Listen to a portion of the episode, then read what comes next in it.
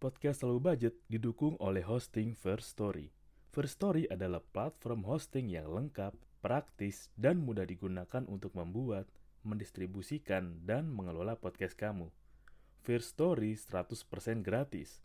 Kamu bisa atur jadwal podcastmu kapan aja, dan kamu bisa distribusikan podcast kamu di semua platform hits podcast di Indonesia. First Story punya fitur keren yang bisa membuat kamu lebih dekat dengan pendengar kamu loh. Sudah penasaran belum sama First Story? Eits, ada lagi nih. Dengan First Story Ads, kamu bisa monetisasi podcast kamu juga. Menarik bukan? Gapai potensi maksimal podcastmu dengan tools dari platform hosting terbaik untuk para podcaster. Daftar sekarang di First Story. Mari bawa mimpi podcastingmu menjadi kenyataan. Selamat datang di sini ya, low budget, gak harus mahal untuk nikmatin hidup. Uh, rekaman ini dibuat pas gua udah di Jogja. Dan mungkin nanti lo akan dengar beberapa ya suara jangkrik atau suara kendaraan atau suara dari masjid karena emang ini dibuat outdoor. Jadi ya suara background atau suara yang masuk bakal lebih rame tapi gue coba fokus ke uh, suara gue oke jadi gue harus sebelumnya gue mengucapkan terima kasih untuk tim kepolisian yang udah kebantu banget mempermudah perjalanan mudik kita. Karena emang udah dua tahun berasa banget. Dua tahun nggak pulang kampung dan akhirnya sekarang kita diberi kesempatan untuk pulang kampung dengan adanya one way dan pos siaga yang banyak. Petugas yang turun juga sigap gue mengucapkan terima kasih banyak untuk tim kepolisian dan semua orang yang terlibat dalam memperlancar arus mudik di tahun 2022 ini. Dan gue tadi baru mikir juga sih gue tadi baru kepikiran hmm, lu pernah nggak ngerasain lu sulit untuk bersosialisasi atau istilah adalah lu ada kesulitan atau hambatan untuk mencoba diterima di lingkungan sosial lo entah di sekolah di lingkungan rumah di keluarga. Dan gue juga pernah ngerasain hal yang kayak gitu sih. Hmm, kadang gue juga kesulitan beradaptasi di lingkungan gue terutama di sekolah karena gue ngerasa ada beberapa hal dalam diriku yang berbeda kayak cara pandang gue dalam menilai pelajaran kayak kok yang diajarin kayak gini ya atau hmm, cara pandang gue atau misalkan apa yang gue yakini gitu kayak ini kayaknya harusnya nggak gini deh terutama dalam dengan suara motor kayak terutama dalam kayak kuliah. Gue ada ada beberapa studi yang penelitian atau menurut gue belum relevan dengan apa yang dipelajari dan akan diterapin di masyarakat atau sulit ya untuk mencoba diterima di lingkungan sosial lo karena lu sulit untuk beradaptasi, lu sulit untuk mencari obrolan dan lu sulit juga untuk mencari kesamaan dengan lingkungan yang ingin lo coba untuk beradaptasi di sana ya emang sih ketika lu memasuki lingkungan baru lu pasti secara nggak langsung ya secara nggak gue nggak tahu sih ada yang sadar atau nggak bahwa ya mau nggak mau lu akan mencoba atau bahkan ya diminta dan mencoba untuk menyesuaikan kebiasaan lo dengan kebiasaan yang ada di sekitar lo ya misalkan lo berada di lo terbiasa orang yang uh, teratur disiplin dan lo terbiasa terjadwal terus lo berbaur ya lo nongkrong dengan teman-teman kelas lo dan nih mayoritas ya orang-orang yang banyak kan ya sistem kebut semalam terus belajar ketika mau ujian doang ya males nyatet mungkin atau ya nggak usah bawa buku lah kayak modal contekan aja. Atau yang paling sering adalah dan ini bukan hal yang bagus untuk ditiru sih ya ketika lagi di kelas ya daripada gue nyatet daripada ya gue nulis-nulis di buku lebih baik gue foto aja gitu apa yang guru terangin di papan tulis. Ya sebisa mungkin jangan ditiru sih karena gue yakin banget hampir jarang lu pasti ngeliat foto materi yang disampaikan di papan tulis dan lu pahamin. Lu hanya melihat gambarannya tanpa tahu isinya. Ya kan ketika lu nulis ya lu ngerasain pengalamannya sendiri kayak ketika lu menulis pasti ada aktivitas otak lebih sehingga pasti lu butuhkan konteks berpikir dan ketika lu menulis terekam di ingatan lu lebih baik daripada hanya sekedar melihat.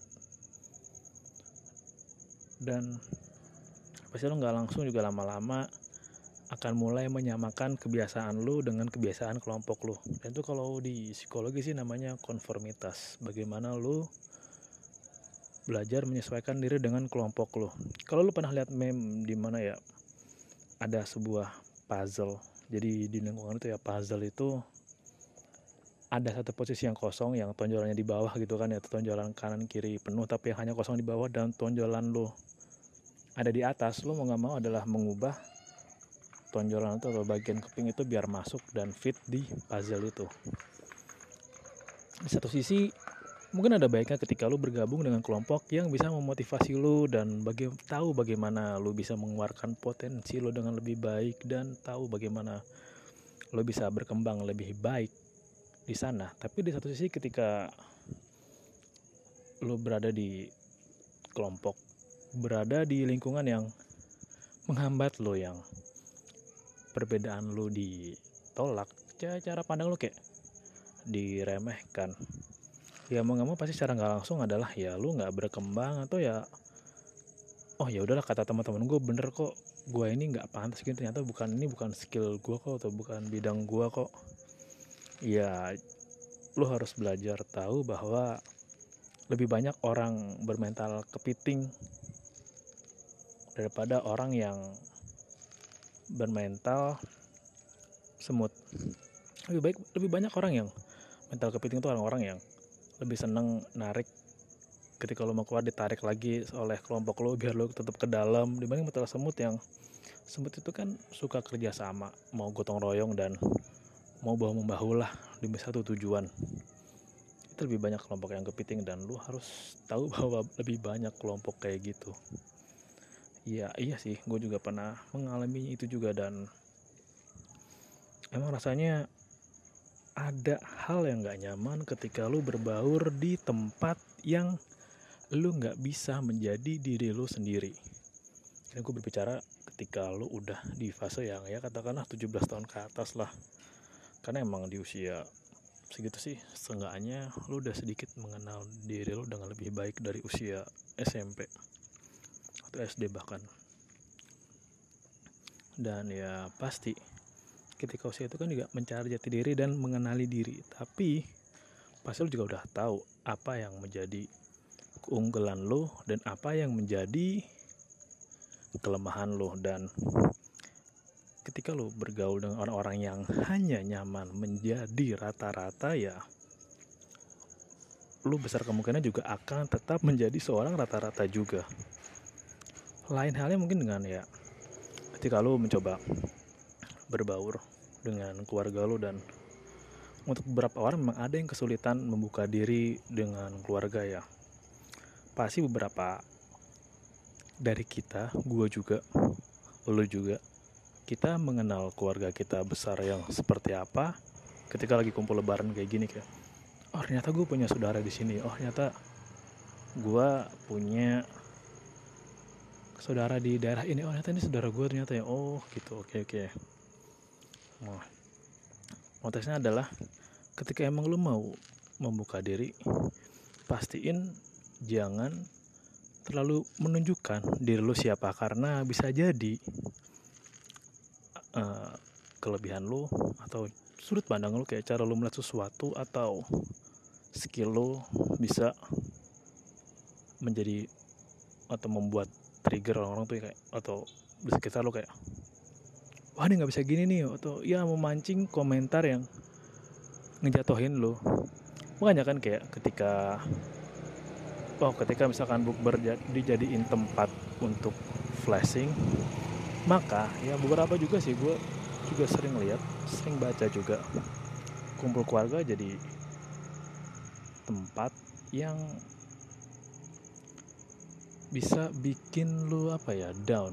Karena emang ada ada juga banyak kok keluarga yang gak sportif ada. Keluarga yang toksik juga ada dan beruntunglah kalau lu punya keluarga yang bisa mengerti dan memahami lu seperti apa saling memahami dan bisa bantu lo untuk menjadi yang lebih baik gitu. Jadi kayak pendapat lu didengar lu sportif dan lu juga mesti belajar untuk memaklumi bahwa ketika lo berada di luar lingkungan yang ya di luar lingkungan formal katakan di luar sekolah lo lagi kumpul nongkrong sama teman komunitas, teman hobi atau bahkan ya keluarga terdekat lo. Mereka juga datang dari latar yang berbeda-beda, pendidikan yang berbeda-beda, pengalaman yang berbeda-beda, teman yang beda-beda, buku yang juga beragam, atau apa yang konten yang mereka tonton juga beragam dan pasti ada satu sisi di mana ketika lo berpendapat ya lo akan disanggah dan ya lo akan gak didengerin lo akan diceramahin balik dan gue harap lo jangan terlalu ambil hati dengan hal yang kayak gitu. Karena tadi pengalaman orang pun beda sama lo sudut pandangnya juga beda.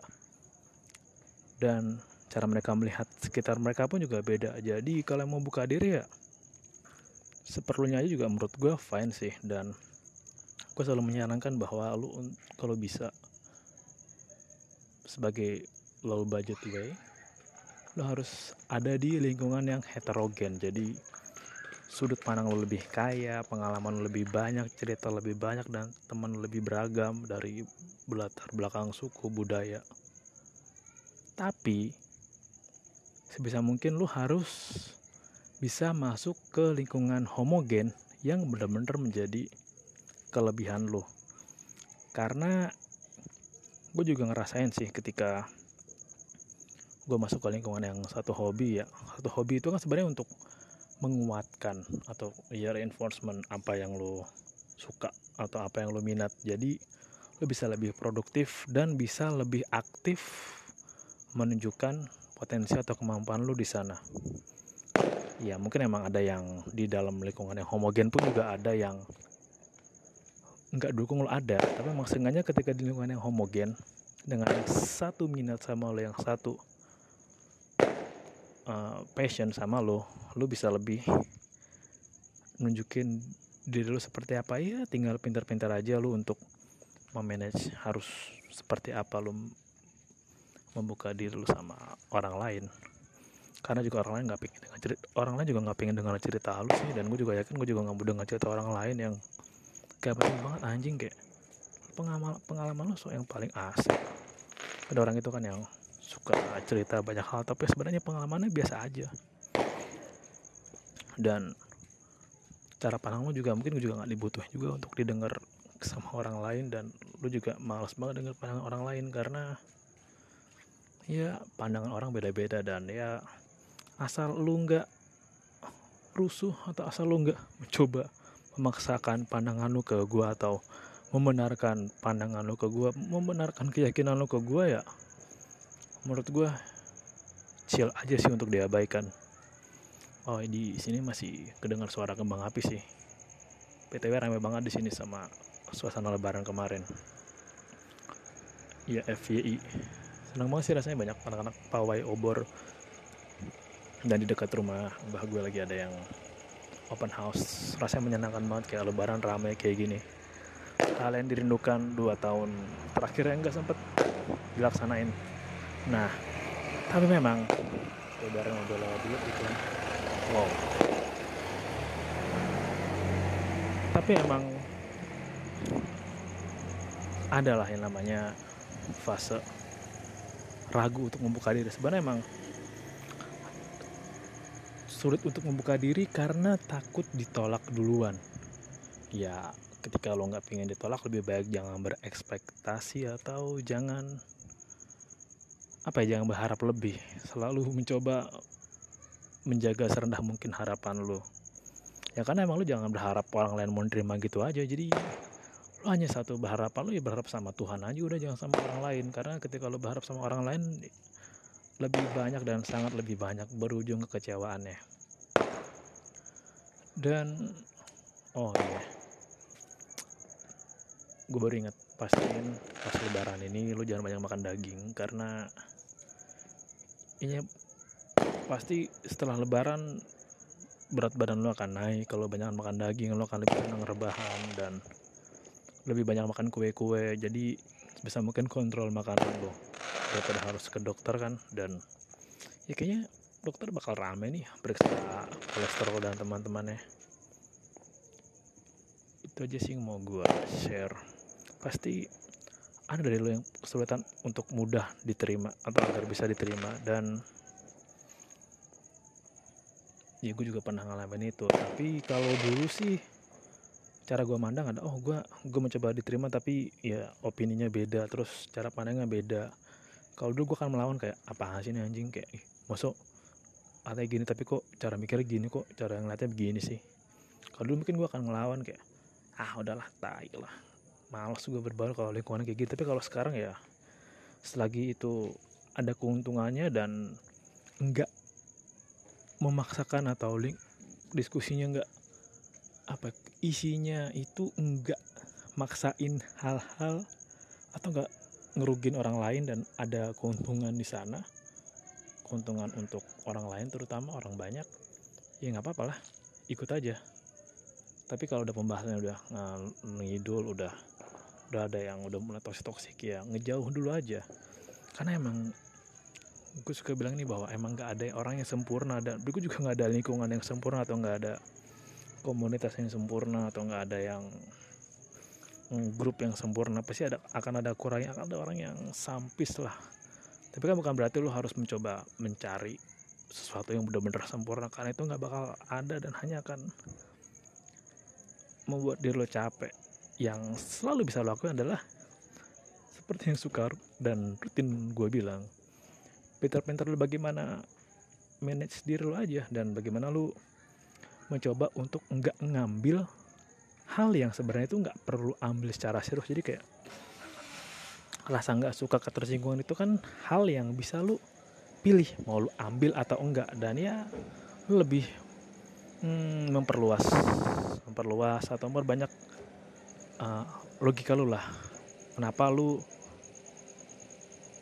nggak harus ngambil opini orang pendapat orang penilaian orang dengan serius? Karena emang ya kalau lo dikit-dikit apa mau diseriusin dikit-dikit apa mau lo tanggepin terus mau lo bawa ke hati. Ah capek banget deh. Lo pasti akan melewatkan banyak hal menarik dia demi ngikutin hanya demi ya memuaskan rasa ego lo itu. Dan memuaskan ego itu nggak bakal ada habisnya. Sampai kapan pun juga. Makanya ya kita harus yang pintar ngendaliin keinginan kita. Kita harus yang ambil alih. Kita mau ambil itu serius atau enggak atau mau ngambil itu secara personal atau enggak. Dan bahkan ya kita juga ngambil alih nih. Ini gue perlu cerita tentang gue nggak ya ke orang ini atau? Ya, ya. Kalau gue mas sekarang sih lebih milih udah gue cerita. Uh, yang orang lain perlu lihat aja atau cerita luarnya aja lah. Hanya lihat gue sebagai A atau sebagai B. Karena emang nggak penting juga untuk orang tahu bagaimana sisi lain gue kan emang ya kontribusinya apa gitu hidup gue selain keluarga gue yang tahu ya untuk apa kontribusi orang lain tahu soal gue. Kecuali emang ada hal yang bisa gue share dan gue pernah alami dan bagaimana gue melewatinya sampai ke sekarang itu baru bisalah gue bagiin caranya untuk bisa melewatin itu. Itu aja yang mau gue share uh, terima kasih udah dengerin dan jangan terlalu banyak ngabisin kue ingat ingat berat badan ingat gula dan enak banget sih. Udah sebulan gue libur ngopi dan setelah lebaran tadi gue udah bisa ngopi lagi. Terima kasih udah dengerin dan salam low budget gak harus mahal untuk nikmatin hidup